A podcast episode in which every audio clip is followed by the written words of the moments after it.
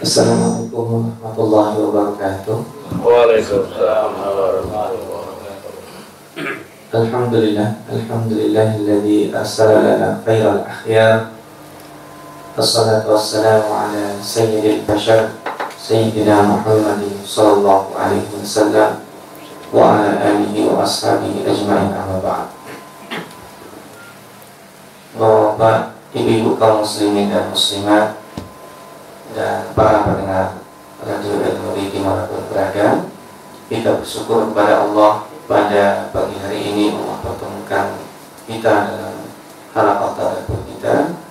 Kita berdoa dan berharap pada Allah mudah-mudahan apa yang kita lakukan pada pagi hari ini ditulis dan dicatat sebagai pemberat timbangan amal baik kita dan apa yang kita lakukan ini mudah-mudahan menjadi inspirasi kebaikan bagi diri kita juga bagi orang-orang yang ada di sekitar kita amin.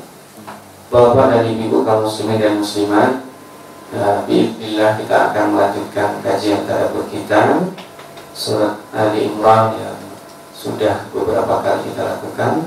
Pertama kita bercerita tentang kebesaran Allah. Kemudian yang kedua tentang nasib atau tantangan yang diberikan pada orang-orang kafir Kemudian yang ketiga kita membicarakan tentang uh, sifat-sifat uh, dan tabiat dasar manusia yang uh, kemudian diikuti dengan uh, apa yang Allah turunkan kepada orang-orang ahli kitab serta ancaman dan celaan pada orang-orang yang membunuh para nabi, menghalangi orang-orang yang berbuat adil. Ini masih ada kaitannya dengan bahasa itu, yaitu e, peringatan yang diberikan kepada Rasulullah SAW agar bisa melihat pada mereka dan ketika mereka nanti menantang apa yang harus dikatakan Rasulullah SAW. Bismillah kita pada yang ke-53 ini kita akan membahas dan menadaburi surat Ali Imran ayat 23 dan uh, sampai 29. A'udzu billahi minasyaitonir rajim.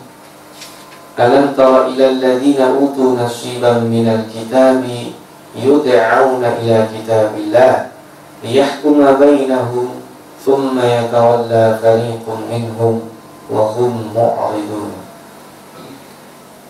Ini menggunakan kata ganti orang kedua single yang berarti Nabi Muhammad SAW alam tahu Muhammad tidakkah engkau melihat kau perhatikan orang-orang yang ada di sekitarmu yaitu alladzina utu nasiban minal kitab. Jadi nasiban minal kitab ini menandakan tidak semua ahli kitab. Para mufassirin memberikan penafsiran bahwa utu nasiban minal kitab ini adalah orang-orang Yahudi yang diberikan kitab Taurat yang di sana jelas digambarkan akan diturunkan kepada umat manusia seorang nabi akhir zaman. Jadi kita lihat di sini Alam tara ilal ladina utu nasiban minal kitab. Tidakkah kamu lihat Orang-orang yang diberi bagian Bagian dari kitab-kitab di Taurat ya? Yudha'una ila kitabillah. Mereka diajak Mereka diperintahkan Mereka disarankan Direkomendasikan Untuk mengikuti kitab yang diturunkan Allah subhanahu wa ta'ala. Baik kitab itu yang mereka terima nasibah minal kitab itu yang mereka terima ataupun kitab yang nanti diturunkan oleh Allah setelahnya. Baik itu Injil maupun berikutnya adalah Al-Quran. Untuk apa? liyahkuma bainahum. Untuk supaya Allah tegakkan keadilan uh, di tengah-tengah mereka dengan menggunakan kitab itu. Jadi tahkim itu memberikan keadilan itu kembalinya kepada kitab Allah dan ini juga berlaku sampai sekarang. Orang kalau diangkat pejabat menggunakan sumpah jabatannya pakai Al-Quran tetapi itu sakralitasnya hilang. Ya karena seolah-olah ketika sumpah jabatan itu yudha'una ila kitabillah dia merasa ya seperti biasa. Padahal ketika dia sumpah jabatan yang menggunakan Al-Quran itu menandakan bahwa dia mengagungkan Al-Quran. Itu menandakan bahwa Al-Quran akan dijadikan pedoman. Itu menandakan bahwa Al-Quran itu dijadikan referensi utama di dalam dia menunaikan amanah publiknya. Tetapi yang terjadi adalah thumma yatawalla dan sebagian dari mereka fariqum minhum wa hum mu'ridun. Di sini itu menandakan kelompok dan fariq di sini bukan menandakan sedikit banyak. Jadi fariq di sini bisa artinya sedikit bisa artinya banyak. Yang terjadi bahwa sebagian besar ahli kitab atau utu nasibah minal kitab dari golongan Yahudi itu lebih keras permusuhannya. Nanti kita gunakan tafsir ayat lainnya. Tajidan asad dan nasi adawatan Sesungguhnya orang-orang yang e, Engkau akan menemukan orang-orang yang lebih keras permusuhannya Adalah orang-orang Yahudi Dan lebih dekat dari kita itu Nanti adalah orang-orang Nasrani. Nah Kenapa mereka melakukan itu? Zalika hal tersebut disebabkan Bi'annahum qal Mereka mengatakan Nah ini sudah pernah kita bahas ya. Lan tamassana naru illa ayyaman ma'dudat. Kalau di uh, surat Al-Baqarah tempoh hari kita bahas illa ayyaman ma'dudat. Jadi uh, mereka mengatakan la tamassana naru illa ayyaman ma'dudat kami kalaupun masuk neraka juga tidak lama nah, jadi tidak disentuh api neraka kecuali beberapa hari saja Hal tersebut disebabkan apa? Waqarrahum fi dinihim kanu Mereka terpedaya. Nah, ini yang menandakan bahwa orang-orang itu menyebut agama mereka Yahudi. Allah tidak menyebut agama mereka Yahudi, agama mereka Nasrani. Ini kemarin yang ada yang bertanya dia, ya. Yahudi, Nasrani, Islam itu sering dikategorikan dalam agama samawi. Nah, padahal sesungguhnya mereka itu sama, satu awalnya adalah agama Ibrahim tauhid hanifah muslimah tetapi kemudian wagharahum fi dini mereka itu tertipu mereka itu terperdaya mereka itu merasa benar dengan agama mereka maka yaftarun yang mereka ada-adakan karena Taurat sendiri itu pun yang asli ditulis setelah Nabi Musa alaihissalam meninggal lalu dalam perkembangannya Taurat sendiri banyak e, sudah dipertanyakan apalagi sampai sekarang yang kemudian penjemahannya menjadi perjanjian lama. Nah, ini juga merasa baik itu akan menjadi kendala. Bapak dan ibu-ibu di mana pun anda berada, sahabat El Nuri yang dicintai Allah, kita menjadi orang-orang baik itu suatu keharusan. Tapi merasa baik itu menjadi petaka. Jadi kan ketika mereka mengatakan kalau lan tamassana naru illa ayyaman ma'dudat. Nah, ini petaka. Kenapa? Karena seolah-olah kita sudah dijamin masuk surga. Meskipun ini kita nggak pas mengatakan ini, tetapi nggak layak juga. Kita sudah merasa jadi orang baik, ikut pengajian, sholat jamaahnya, baca Al-Qur'annya, sodakohnya, punya santunan ayat yatim. Istilahnya sudah melakukan semua kebaikan. Kemudian kita mengatakan saya kayaknya kalaupun kalaupun masuk neraka paling ya sehari dua hari saja. Nah itu nggak layak. Kenapa? Memang neraka enak. Jangankan sehari dua hari. Kita ngomong seperti itu pun nggak layak. Kenapa kita tidak langsung punya obsesi? E, kita masukkanlah surga ini hisab. Bukan hanya pakai mampir neraka. Ya Rob, masukkanlah kami surga tanpa dihitung-hitung kayak dagang misalnya ini dihitung itu lama itu dia udah nggak usah bayar nah itu kan enak yang beli tanpa hitungan tanpa hitungan saya utangin berapa udah lunas saja wah enak sekali nah kenapa mereka perlu mengatakan kalau merasa Allah itu dekat dengan mereka kenapa ada ini ini kan artinya bahwa mereka itu sebenarnya dalam hati secara fitrinya itu tahu yang mereka lakukan itu salah jadi ini kan merasa kita salah kok, tapi ya kesalahan kita itu ditolerir. Nah ini bahasa ini itu menandakan bahwa hati kecil manusia itu condong kepada kebaikan.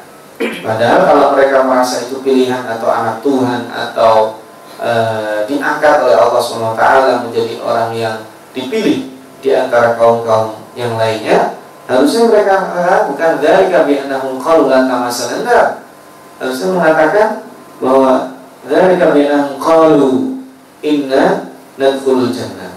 Kita pasti masuk surga. Nah, harusnya itu.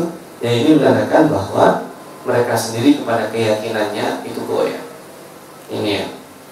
Nah, dua itu kemudian Allah komentari dengan pertanyaan yang berarti ancaman tahwil. Fakaifa idza jama'nahum liyaumin la raiba fihi wa wufiyat kullu nafsin ma kasabat wa hum la yuzlamun. Bagaimana? Bagaimana ini bukan pertanyaannya. Bagaimana itu ada banyak. Ada ta'ajjub, ada li tahwil. Kadang kalau misalkan bagaimana mungkin anak sekecil itu bisa melakukan pembunuhan? Nah, itu ta'ajjub yang artinya negatif. Nah, atau misalkan, wah, bagaimana anak umur 6 tahun hafal Quran? Nah, itu artinya eh, ta'ajjub artinya positif. Nah, kalau di sini bukan ta'ajub, fakaifa idza jama'nahum. Itu untuk menakut-nakuti. Misalkan kita orang dari kampung belum pernah ke Jakarta. Bagaimana nanti kamu tidur? Bagaimana nanti kamu di sana ditipu orang? Bagaimana itu untuk menakut-nakuti? Ini maka fakaifa di sini litahwil untuk menakut-nakuti. Fakaifa idza jama'nahum. Bagaimana nanti ketika mereka kami kumpulkan liyaumin pada suatu hari la raiba yang tidak ada keraguan tentang kejadiannya. Jadi hari itu pasti hari perkumpulan itu. Apa yang terjadi? Wa ufiyat kullu nafsin ma kasabat wa hum la yuzlamun. Ini sudah kita bahas dalam akhir surat Al-Baqarah ya. Bahwa setiap manusia nantinya ufiyat tuwaffa semua diberikan sesuai dengan andil dan kontribusinya. Nah, arti wufiyat kul nafsin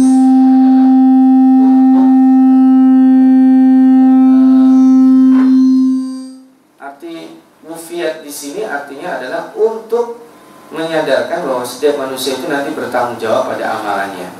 Wufiyat kul nafsin itu artinya bahwa setiap nafas ini beberapa hari lalu uh, Al-Fakir berdiskusi tentang makna nafas. Nafas ini artinya kalau anfus itu banyak, including mencakup nyawa yang kita tidak tahu keberadaannya. Tapi nafas itu, nafas maksudnya, itu artinya lebih daripada sekedar nyawa. Nafas itu bisa berarti jiwa. Nafas itu bisa berarti rasa yang hidup di dalam diri kita. Tetapi kalau yang dimaksud di sini, wa'ufiyat kullu nafsin nafs di sini adalah uh, orang yang memiliki nyawa. Jadi setiap seperti misalkan kullu nafsin dha'iqatul maut itu nafas berarti nyawa. Maufiyat kullu nafsin ini bisa diartikan nyawa. Setiap yang bernyawa itu dikembalikan nyawanya. Maka yang di sini disebut fakaifa idza jama'nahum dikumpulkan raga-raga mereka dengan sesamanya atau dikumpulkan wa idan nufusu zuwijat ketika nyawa-nyawa dipertemukan dengan raganya. Jadi pertemuan itu terjadi antara nyawa dan raga kita dan antara kita dengan yang lainnya. Makanya menggunakan al-jamu. Nah, al-jamu itu menggabungkan antara nyawa dan raga. Al-jamu itu juga menggabungkan antara orang-orang yang buruk dengan orang-orang yang buruk di sini. Dan itu sudah mufiat. Semua sudah dihitung-hitung maka sahabat dan tidak ada satu orang pun yang dizalimi. Maka di sini wahum la Nah, itu singkatnya tiga ayat karena ada dua ayat yang dahsyat ya yang e, kalau kita mau menadaburinya mungkin waktu tidak cukup. Tapi kita e, insya Allah secukupnya kita tadaburi ayat 26 dan 27 ini disebut dengan ayatul talqin. Ayat talqin itu ciri-cirinya dimulai dengan kata-kata kul. Jadi katakan Muhammad orang-orang yang ledekin kamu, orang-orang yang mengatakan kamu itu dusta, orang-orang yang utuh nasiban, tetapi dia mendustakan kitab yang Allah turunkan kepadamu, wahyu yang Allah berikan kepadamu. Katakan kepada mereka, apa ya Rob? Allahumma, ini kita diajari ya. Allahumma itu ya Allah, Humma na'am. Jadi Labbaik ya Rabb. Jadi kita berdoa pun harus yakin. Orang yang berdoa yang tidak yakin itu berarti ada sesuatu dalam imannya. Lihat apa yang terjadi dengan pasukan Nabi Sulaiman. dalam kisah memindahkan singgasana Ratu Balkis. Ya kan? Ifritum minal jin. Ifrit orang jin yang cerdas dan cerdik itu memindahkan singgasana e, Ratu Balkis qabla an taquma min maqami sebelum Anda berdiri dari tempat duduk. Tetapi ada yang punya ilmu minal kitab manusia. Dia mengatakan saya sanggup memindahkannya qabla ayatada ilaika. Jadi sebelum Anda berkedip itu sudah ada, Masya Allah. Kenapa dia mengatakan? Karena dia tahu yang memindahkan itu adalah Allah, Bismillah, sangat yakin. Dan keyakinan itu ketika sudah menembus limit e, dirinya, waktu dan e, ruang itu tidak ada artinya. Waktu dan ruang itu adalah milik Allah yang sanggup dilipat.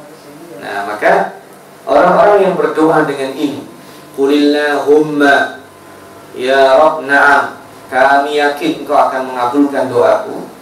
Nah, Malikal mulki Zat yang memiliki kerajaan. Al-muluk di sini artinya banyak. Al-muluk itu bukan hanya kerajaan Bukan hanya kekuasaan Bukan hanya menjadi tanggungan Jika diartikan kenabian. Karena kalau kata Nabi Muhammad kenabian. Malikal mulki yang mengutus Nabi. Malikal mulki raja di antara para raja Malikal mulki yang memiliki kepemilikan penuh. Kalau kita kan tidak. Siapa yang memiliki anak dan istrinya? Tidak ada. Diri kita itu siapa yang memiliki orang tua kita? Tidak juga. Kita diberikan uang, milik kita semuanya? Tidak juga. Rizki itu yang kita makan, yang kita infakkan. Yang lainnya itu nanti dinikmati orang lain.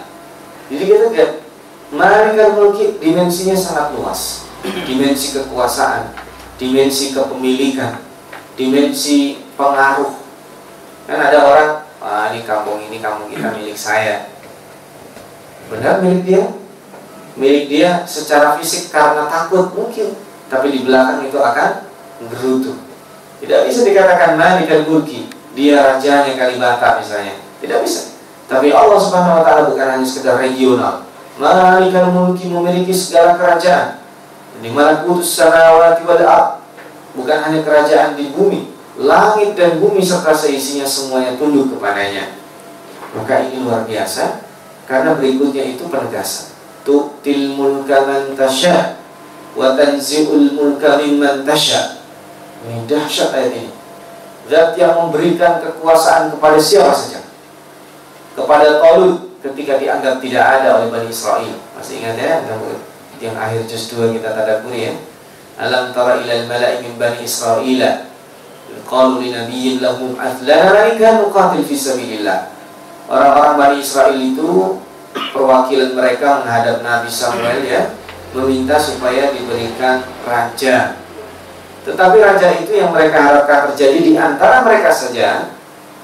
Tetapi Allah berikan lain bahwa raja mereka itu Tolut. Siapa Tolut? Tolong tidak berhak jadi raja.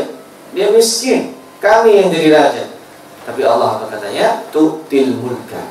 Nabi Daud diangkat menjadi raja. Nabi Yusuf dari penjara menuju istana dan kemudian menjadi perdana menteri orang kedua atau orang kepercayaan raja. Nah, ini menandakan kekuasaan itu yang memberikan Allah. Kita berkuasa di rumah kita yang memberikan Allah. Siapa tahu kita dibalik istri kita yang lebih berkuasa dari kita. Istri kita yang banyak mempengaruhi kita. Kekuasaan itu artinya bukan memerintah.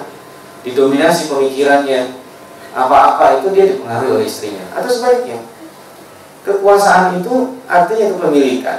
Siapa yang memberikan kepemilikan kalau bukan Allah subhanahu wa ta'ala? Kita ingin apa? Allah kasih. Kan ada orang gitu ya. Apa aja yang dia inginin dapat. Dia sedang ada kita sedang ada di luar negeri pengen rendang ada aja rendang ya lagi di Jepang pengen bakso ada aja bakso.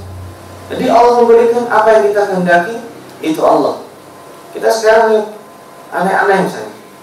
Ya, ibarat kata orang hamil yang sedang ngidam. Itu ada juga yang dipersulit mendapatkannya ada juga yang mudah. Ya, sedang ngidam tengah malam ya kan? Tengah malam lagi hujan-hujan ngidam minta diberikan es buah. Ya, coba bayangkan, kan segitu siapa yang jual es buah? Skuter masih mungkin lewat ya. ya es buah bayangkan Nah, itu Allah yang memberikan kepemilikan, yang menyediakan ketersediaan. Tu'til mulka man diberikan kepada siapa saja. Nah, yang berat itu yang kedua. Wa tanzi'ul mulka tasha. Memberi itu biasanya nggak terasa. Yang terasa kalau dicabut, cabut gigi. Sakit nggak? Nggak sakit. Tetapi efeknya habis itu nggak bisa makan. Dan kalau anak kecil nunggu gigi sakit juga sih. Panas biasanya. Tetapi orang yang diberi itu nggak terasa. Hari ini kita diberikan nikmat, berasanya lebih berasa kalau diambil nikmatnya. Hilang dompetnya itu susah lupanya. Apalagi di dalamnya ada semua kartu situ kartu kredit, kartu debit, ada STNK dan sebagainya itu hilang susah. Tetapi dia berikan diberi kunci mobil ya senang juga. Tetapi tidak terasa tansik dan di sini bahasanya an mencabut itu sakit sekali. Ini supaya kita juga merasa bahwa kita tidak semena-mena dengan kekuasaan yang Allah berikan.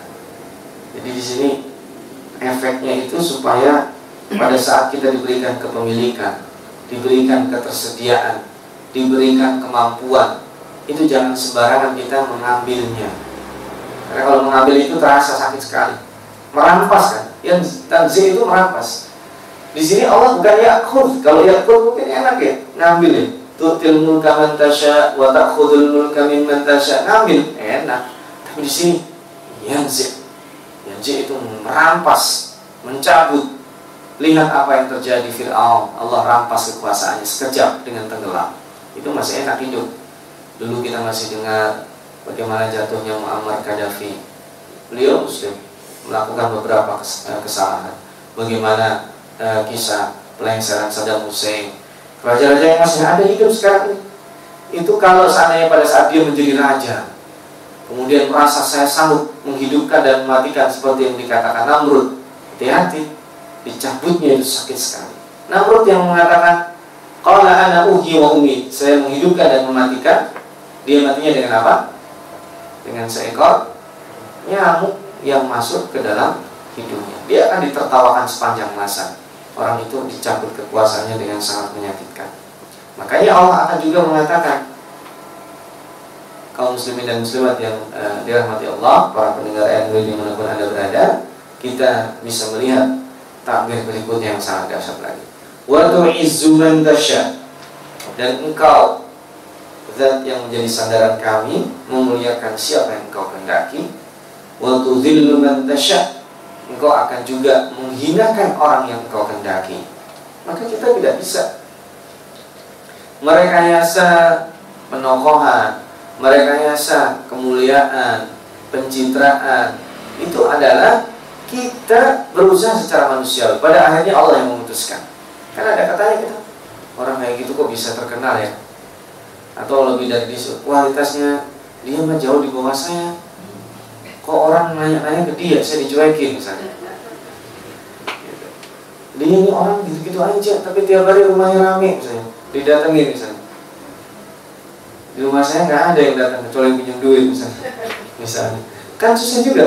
Itu disebut dengan izah ya izah itu kalau bagi manusia identiknya dua punya harta dan punya Eh, nanti di bawah akan kita berikutnya akan kita bahas kekuasaan itu pertemanan.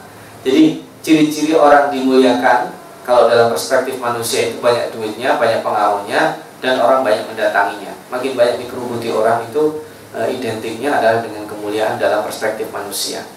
Kalau perspektif manusia itu ditunjukkan seperti itu, itu yang melakukan juga Allah. Kan pernah ya ada yang orang tiba-tiba menjadi terkenal mendadak. Ya apa aja lah. Dia melakukan aksi narsis di YouTube misalnya. Ya kan? Dia pokoknya aksi yang kelihatannya mungkin bagi kita melihat eh, kayak gitu aja kok bisa terkenal. Nah, itu Allah yang menghendaki. Dan sebaliknya juga Allah yang menenggelamkan seketika. Ya, dua-duanya itu kehendak Allah. Orang yang kemudian sangat populer di seluruh dunia tiba-tiba hilang. Namanya tidak dikenal. Ada juga. Kita bayangkan kayak Nabi Ibrahim alaihissalam ketika berdoa waj'al li sidqin fil akhirin. Itu dikenang sepanjang masa. Bukan hanya dikenang keburukannya tapi dikenang kebaikannya. Sehingga Allah kabulkan dan dijadikan doa. Sekarang tidak ada orang yang tidak menyebut Nabi Ibrahim ketika dia sedang tahiyat akhir, ya kan? Allahumma sholli ala sayyidina Muhammad wa ala ali sayyidina Muhammad karena shallaita ala Ibrahim. Jadi itu luar biasa. Tapi coba orang mengingat Fir'aun kan sepanjang masa juga, tetapi apa? Yang diingat adalah keburukannya.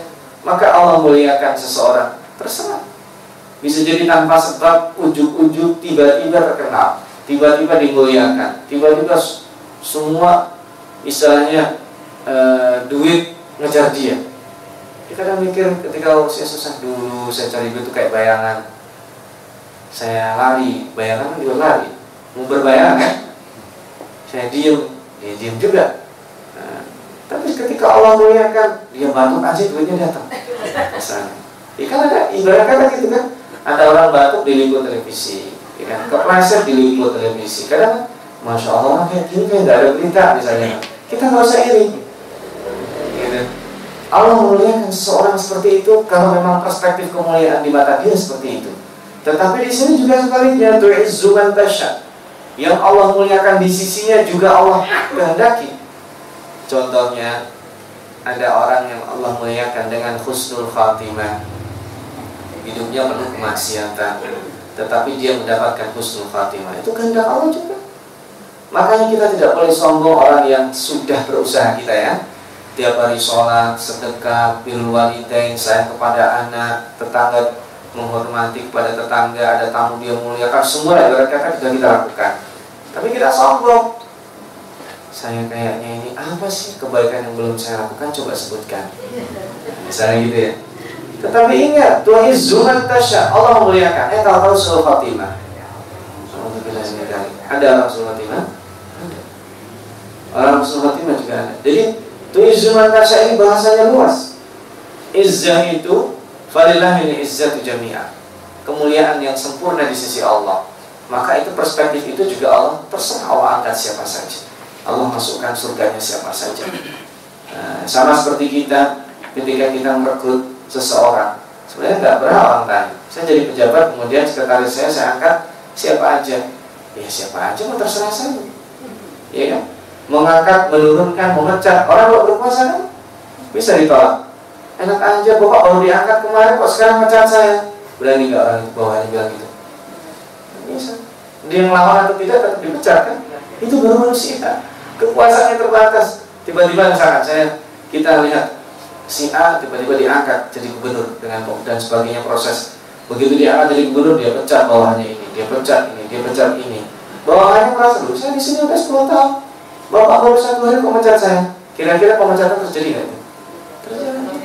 Itu baru manusia yang kekuasaannya terbatas bisa melakukan seperti itu. Apalagi Allah merendahkan memuliakan mengangkat derajat menganggap dia tidak ada melunaskan, tidak disebut manusia, tidak dijadikan referensi, itu kehendak Allah.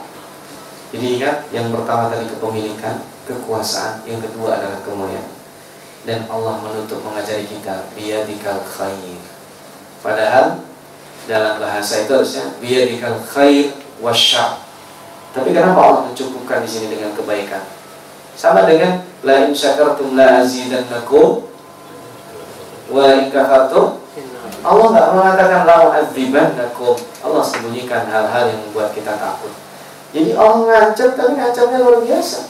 Halus ancamannya di sini. Dia kita disuruh berdoa biadikal khair di tangan mula segala kebaikan. Sama juga di tangan mula segala keburukan. Kau sanggup menghendaki seseorang ini miskin. Sanggup mengadi seseorang ini hidupnya terlunta-lunta. Sanggup kepada seseorang ini dia sudah mencari jodoh. Enggak ketemu jodohnya sanggup di sini kamu membuat orang ini tersesat. Itu kan sama. Dia di khair itu artinya untuk optimis. Jadi di sini cukup dalam mukabalah al khair wasyar yang disebut di sini adalah kebaikan saja. Lalu apa makna dia di khair innaka ala kulli syai'in qadir. Maka kita berdoa juga gitu kan. Ya kalau rezekiku ada di dalam tanah keluarkan. Kalau rezekiku ada di atas langit turunkan. Kalau rezekiku ada di di tempat orang lain datangkan ke sini. Kalau rezekiku ada, kan sebenarnya kita sudah mendapatkan rezeki. Kita nggak usah berdoa, ya rezeki dikasih. Gitu. tapi itu pembagian adabiat. Cara kita mengetuk cinta Allah Subhanahu wa taala. Kalau kita kayak gitu Allah makin sayang. Apalagi Allah di sini dikatakan ada kulli syai'in qadir. Sanggup melakukan segala sesuatu yang menurut perhitungan manusia itu mustahil. Sanggup membuat anak untuk Ibrahim, sanggup menghadirkan Yahya untuk Zakaria yang sudah mengatakan bagaimana mungkin saya punya anak? Imraati akhir istriku belum pernah punya anak sedangkan usiaku sudah usia sangat-sangat tua. Banyak ada hal-hal yang kita kadang memikirkan itu tidak mungkin terjadi tapi terjadi. Nah yang berikutnya Allah tambah lagi. Di sini kita disuruh mikir tulijul laila fil nahar wa tulijul naharu fil lail wa tukhrijul hayya minal mayyit wa tukhrijul mayyita minal hayy wa tarzuqu man tasya'u bighairi hisab. Ini penyempurna Bapak-bapak dan ibu-ibu, para pendengar dan sahabat ilmu di mana ada berada. Tulijul laila, Allah menghendaki masuknya malam ke dalam siang, siang ke dalam malam. Itu di perbatasan sebenarnya. Kalau nilai filosofinya, malam dan siang itu tidak mungkin terjadi tiba-tiba. Coba sekarang ini, sekarang kan istilahnya bukan malam, bukan siang itu yang disebut dengan tulis. Memasukkan. Memasukkan itu nggak bisa sekaligus. Coba sekalian seandainya malam dan siang itu hitam putih. Wow kacau itu. Mobil di kendaraan pada kecelakaan itu. Misalkan tiba-tiba jam 6 tepat gelap. Gelapnya langsung malam. Ya, tiba-tiba syuruk itu langsung seperti jam 12 siang. Wow, kacau itu. Ya kan Nah ini Allah, kekuasaan Allah itu membuat kita tidak terasa. Itu yang disebut dengan tulijun laila fil nahar wa tulijun nahar fil Tidak terasa. Eh, kemarin anak-anak sekarang sudah punya anak. Nah, terasa. Coba tiba-tiba kita uh, hari ini jadi anak-anak, besok jadi tua. Bingung orang nanti. Nah, jadi di sini adanya natural bahwa meskipun Allah itu memberikan kekuasaan, kepemilikan, memuliakan seseorang, itu nanti yang mengalaminya bisa jadi nggak terasa. Orang lain yang melihatnya bisa jadi nggak terasa. Kayak kita kalau ada orang di samping kita, meskipun sudah 40 tahun juga nggak berasa. Tapi coba lihat orang ini nggak pernah ketemu 40 tahun. Weh, sudah tua ya. Dan iyalah sudah 40 tahun nggak ketemu. Padahal tadinya berpisah setelah SMA ketemu teman-teman sudah punya cucu ya kan? padahal pertemuan terakhirnya ketika dia lulus SMA ya itu karena tidak natural. Tapi kalau kita natural tidak terasa itu orang ada di samping kita.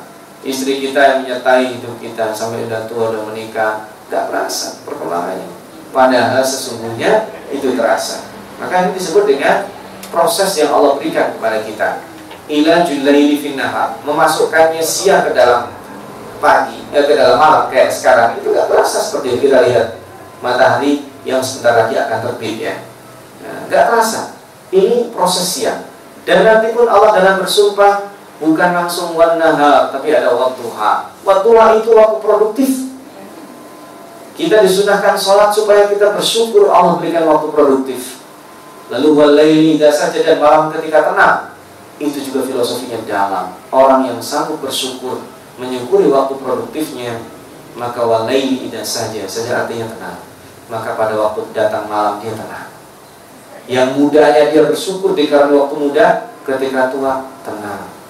Karena ada juga orang aduh 10 tahun lagi saya pensiun. 10 tahun pensiun sengsaranya dari sekarang. Ya yeah. karena orang ini tidak pernah mensyukuri waktu produktifnya aduh saya sakit nih sebentar lagi saya mati. Belum tentu mati. Ya kan? Ada orang yang sakit sudah bertahun-tahun tidak mati. Nah ini artinya kita menyeimbangkan proses natural itu tetap keputusannya di tangan Allah. Orang menjadi kaya itu kan ada sebabnya. Tapi sebab tidak menjadi gantungan orang-orang dulu lah kita terlahirkan nggak ada baju nggak memakai apa-apa. Jangankan itu aku syai'un kuro nggak punya nama. Terus sekarang nama kita disebut di mana-mana. Ya paling tidak dikenal di wilayah kita, tetangga kita kenal kita. Kita nggak merasa itu bukan sebuah nikmat, nikmat yang luar biasa. Atau coba itu tanya para selebriti-selebriti dunia kalau di uh, media sosial itu followernya sampai jutaan. Dia bangga terobsesi dengan itu padahal dia tadinya tidak ada yang dia nah itu prosesnya tetap natural tapi dia tidak terasa itu nikmat. To izuman tasya diluman tasya di sini tidak tidak disyukuri. Kita lanjutkan. Yang kedua tukhrijul hayya minal mayyit. Ini dalam sekali. Yang mengeluarkan yang hidup dari yang mati.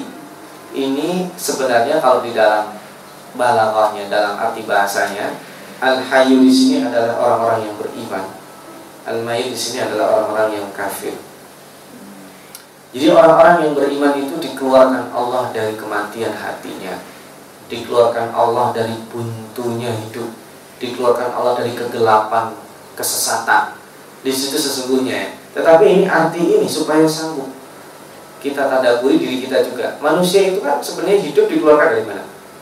Dari ketiadaan Coba bayangkan, kita itu tadinya dari sel yang sangat kecil. Kemudian kalau sudah bisa di USG 2 mili, ya kan? Kemudian bergerak dikit kayak cacing, ya kan? Kemudian gede dikit, bentuknya lucu, kepalanya lebih gede dari badannya. Ya, kemudian ada tulang terus dikeluarkan dari yang tidak ada, min dulumatil ada. Dari kematian yang pertama menuju kehidupan. Setelah itu sebenarnya mati dan hidup itu istilah apa? Tidak ada bagi Allah sebenarnya. Manusia mati itu cuma pindah alamat. Ya, kayak saya pindah ke Jakarta. Itu kayak gitu. Manusia mati dia pindah alam, alam barzah. Ya kita nggak nyambung sama mereka. Mereka nggak nyambung sama kita, tetapi ada yang sambungan yang diajarkan Allah kan. Rabbana Rabbana filana wali ikhwani dan sabaquna bil iman. Itu ada sambungannya. Mereka masih hidup tapi di alam lain. Nah, di sini dikatakan kehidupan dari kematian dan sebaliknya tukhrijul mayyita minal hayy, mengeluarkan. Kita kalau sudah hidup dimatikan lagi oleh Allah. Padahal kehidupan dan kematian itu sesungguhnya tidak ada kecuali yang Allah inginkan. Itu kan supaya kita tahu saja proses perpindahan itu dinamakan kehidupan dan kematian.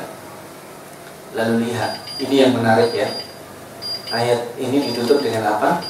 Watar zuku mantasya bisa. Lalu apa hubungannya?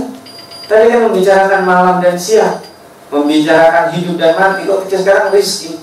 Nah, coba apa kita bayangkan? Korelasinya apa? Jadi semua yang tadi disebut Allah itu rizki, kekuasaan, pengaruh, ya kan? Kemuliaan. Kemudian termasuk kita tidak disebut orang. Ada orang-orang baik itu kalau dia datang tidak dianggap, kalau pergi nggak merasa kehilangan, itu juga nikmat. Kemudian adanya siang, adanya malam, nikmat. Kita kan sering gak gitu.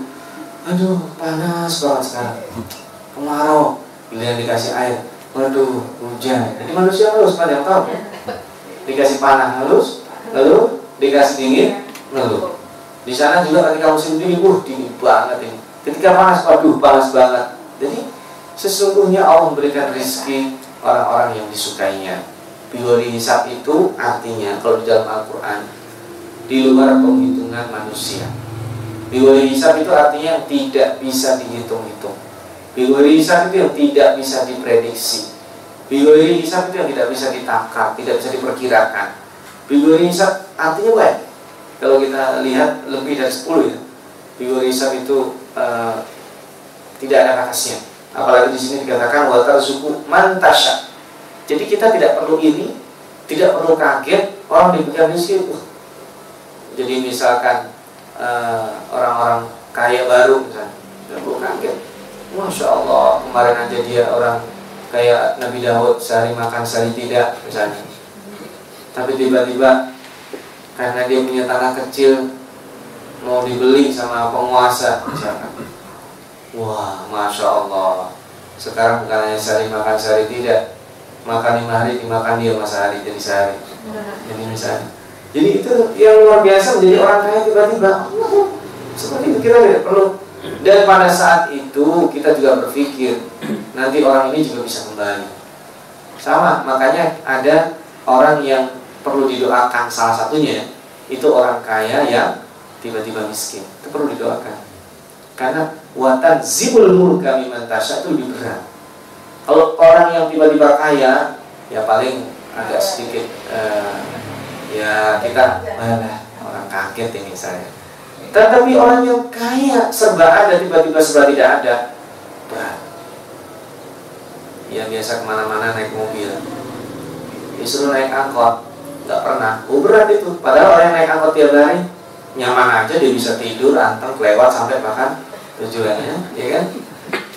Ya orang yang uh, tiap hari makan dengan sambal dan kecap ada sih nikmat. Ini dia sudah ada makanan oh ini nggak ada sayurnya biasa minum susu ini nggak ada susunya susu dicampur. Dan karena eh, seseorang itu tidak bisa disamakan kita tidak bisa oh manja ya tidak bisa. Orang seperti ini harus dikasih harus didoakan. Orang yang kaya yang tiba-tiba miskin yang zin itu berat. Orang pensiun kita harus paham psikologinya. Yang tadinya itu telunjuknya sakti. Eh kamu sana kamu sana sekarang jalankan telunjuknya. Lima jarinya bergerak pun nggak ada yang dia. Ya kalau sudah pensiun meskipun dia jenderal juga kopral nggak akan duduk sama dia. Ya belum siapa? Kalau sudah nggak aktif. Nah itu yang zin mengambil itu lebih berat. Diambil itu lebih sakit maka di sini water suku mantasya dua bisa kita bersyukur nah ini selesai dua itu jawaban yang dasar. Makanya ayat ini sering kita disunahkan membaca ya. Ketika pagi, ketika petang, selesai sholat kita berzikir juga baca ayat ini kan. Nah, la yantahidil mu'minun. Ini kaitan yang tadi. Al kafirina awliya min dunil ini kalau kita bahasnya tidak cukup waktunya karena juga sudah cukup panjang kita tadaburi. Singkat saja bahwa seorang mukmin dilarang untuk mengambil wali mengambil pemimpin mengambil orang yang bisa mempengaruhi dia orang-orang kafir Ya, nanti apalagi kalau ini diluas-luaskan jadi bahasan politik gak selesai kita diskusi nah, tanda pada uh, kali ini. Saya ambil uh, nilai umum saja bahwasanya sebisa mungkin jangan kita jadikan pimpinan kita adalah orang-orang kafir. Orang kafir itu dalam artian bukan hanya sekedar muslim bukan. Orang kafir itu orang-orang yang memusuhi syiar-syiar agama kita. Bisa jadi orang-orang kafir itu juga dia bunyinya muslim gitu. Tapi kita tidak pernah mengatakan yang kafir tidak. Tetapi di sini adalah aulia.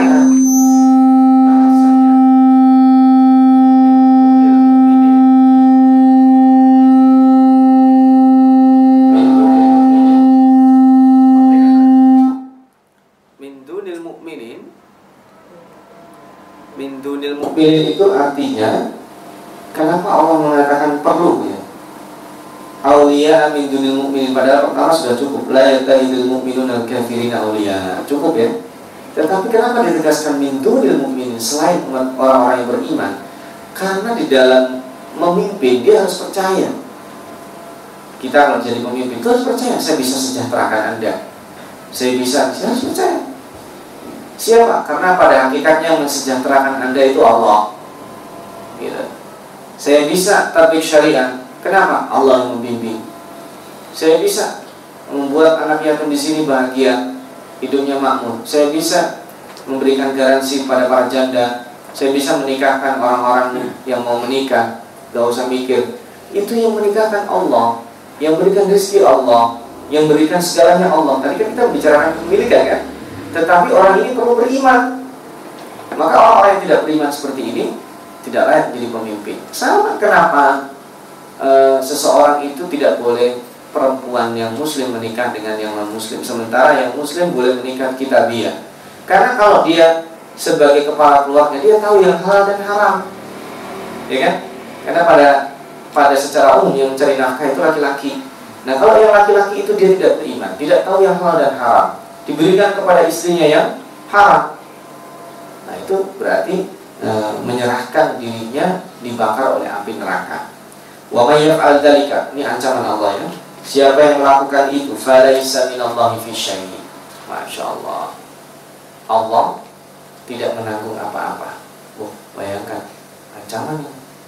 Nah, enggak Saya buktinya seger-seger aja. Buktinya sehat-sehat saja. Itu kayak kemarin ya saya bayangkan, saya visualisasikan anak kita e, nakal sama kita. Tiba-tiba sekolah ngirim saatnya bayaran sekolah kita bayarin nggak tuh sekolahnya bayarin. Tapi jengkel juga. Iya kan?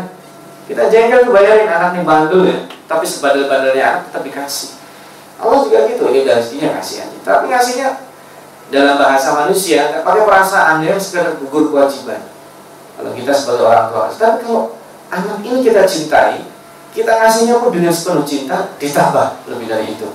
Maka di sini syai di sini dikatakan fi syai'in fi syai'in itu yang mendekatkan dengan cinta Allah. Illa an minhum tuqa wa yuhadzirukumullahu nafsa wa ilallahi masir itu rangkaian ancaman. Dan yang kedua di sini kan Allah mengatakan la yattakhidul mu'minuna kafirin itu kan seorang mukmin dilarang tidak diperkenankan tidak seharusnya. Kok di sini? Illa an kecuali kalian bertakwa kepada Allah dan bisa dijadikan tameng ketakwaan itu dari murkanya jadi di sini benar-benar Allah marah kalau kita ambil pemimpin orang yang akan mempengaruhi kita itu adalah orang-orang yang tidak percaya kepadanya. Terakhir, ini masih ada sambungannya sebenarnya lebih tepat eh, sambungan ini pada ayat berikutnya tapi tidak apa-apa kita bahas pada eh, lanjutannya. Kul katakan Muhammad uslub talqin berikutnya kalau tadi doanya intukhuna fi sudurikum Seandainya kalian sembunyikan apa yang di dada kalian, autubiduhu ya'lamullah, Allah akan mengetahuinya. Kenapa? Wa ya'lamu ma fis samawati wa ma fil ard wallahu ala kulli syai'in qadir. Allah ulang lagi. Karena Allah Maha tahu ma min waraqatin daun yang berjatuhan juga Allah alladzi akhrajal mar'a yang mengeluarkan rumput-rumput liar itu di tanah-tanah di depan itu kan memang kita yang nanam semua pohon kan enggak? Sebagian kita tanam sebagian besar enggak? Itu nunggu sendiri. Itu jangan dikira nunggu sendiri dihitung sama Allah. Allah tahu itu. Supaya kita lihat. Alladzi akhrajal mar'a faja'alahu ghuthan apa nanti menjadi tua mati di bawah air. Itulah hidup manusia. Maka Al-Fatih tutup dengan ini. Nanti ini ada sambungannya dengan yang berikutnya. Bahwa kita mau menjadi orang baik betulan atau menjadi orang-orang orang pura-pura baik itu urusan kita Allah yang tahu. Kita menjadi orang jahat atau menjadi orang pura-pura jahat, nah itu juga urusan kita. Kita menjadi beriman atau tadi mengambil aulia orang-orang yang kafir atau misalnya bagaimana kalau saya dipimpin orang-orang yang kafir tapi sebenarnya saya tidak rela ya berarti kita ada perlu sikap sikap dalam artian ada hal-hal tertentu yang kita kompromi dengan dia ada hal-hal tertentu yang kita tidak bisa kompromi dengan dia. Nah itu kan nanti kita madhabnya kalau perilaku keagamaan ada istilah toleransi, ada istilah batas toleransi. Itu saja yang bisa Al-Fakir sampaikan. Ya sudah cukup lama kita terdahului karena memang ayat dua ayat kulillah mengalihkan mulki ini itu aja kalau pertemuan kita bahas hari ini nggak cukup. Uh, tapi mudah-mudahan uh, dua ayat ini memberikan inspirasi kita untuk banyak bersyukur dan tidak membeli orang lain pada saat Allah berikan kemampuan keberdayaan, kekuasaan, pengaruh dan sebagainya karena Allah akan memberikan segalanya itu secara natural seperti hanya memunculkan siang melalui pagi. Sementara itu eh, para kaum muslimin dan muslimat di mana pun anda berada, sahabat dan nuri dan eh, para pendengar yang ada di sini dan di mana pun anda berada kita cukupkan sekian. Mudah-mudahan kata ini bermanfaat. Insya Allah nanti kita lanjutkan dengan uh, dialog dan tanya jawab. Uh, aku lupa ada. Wallahu a'lam bishawab. Wassalamualaikum warahmatullahi wabarakatuh.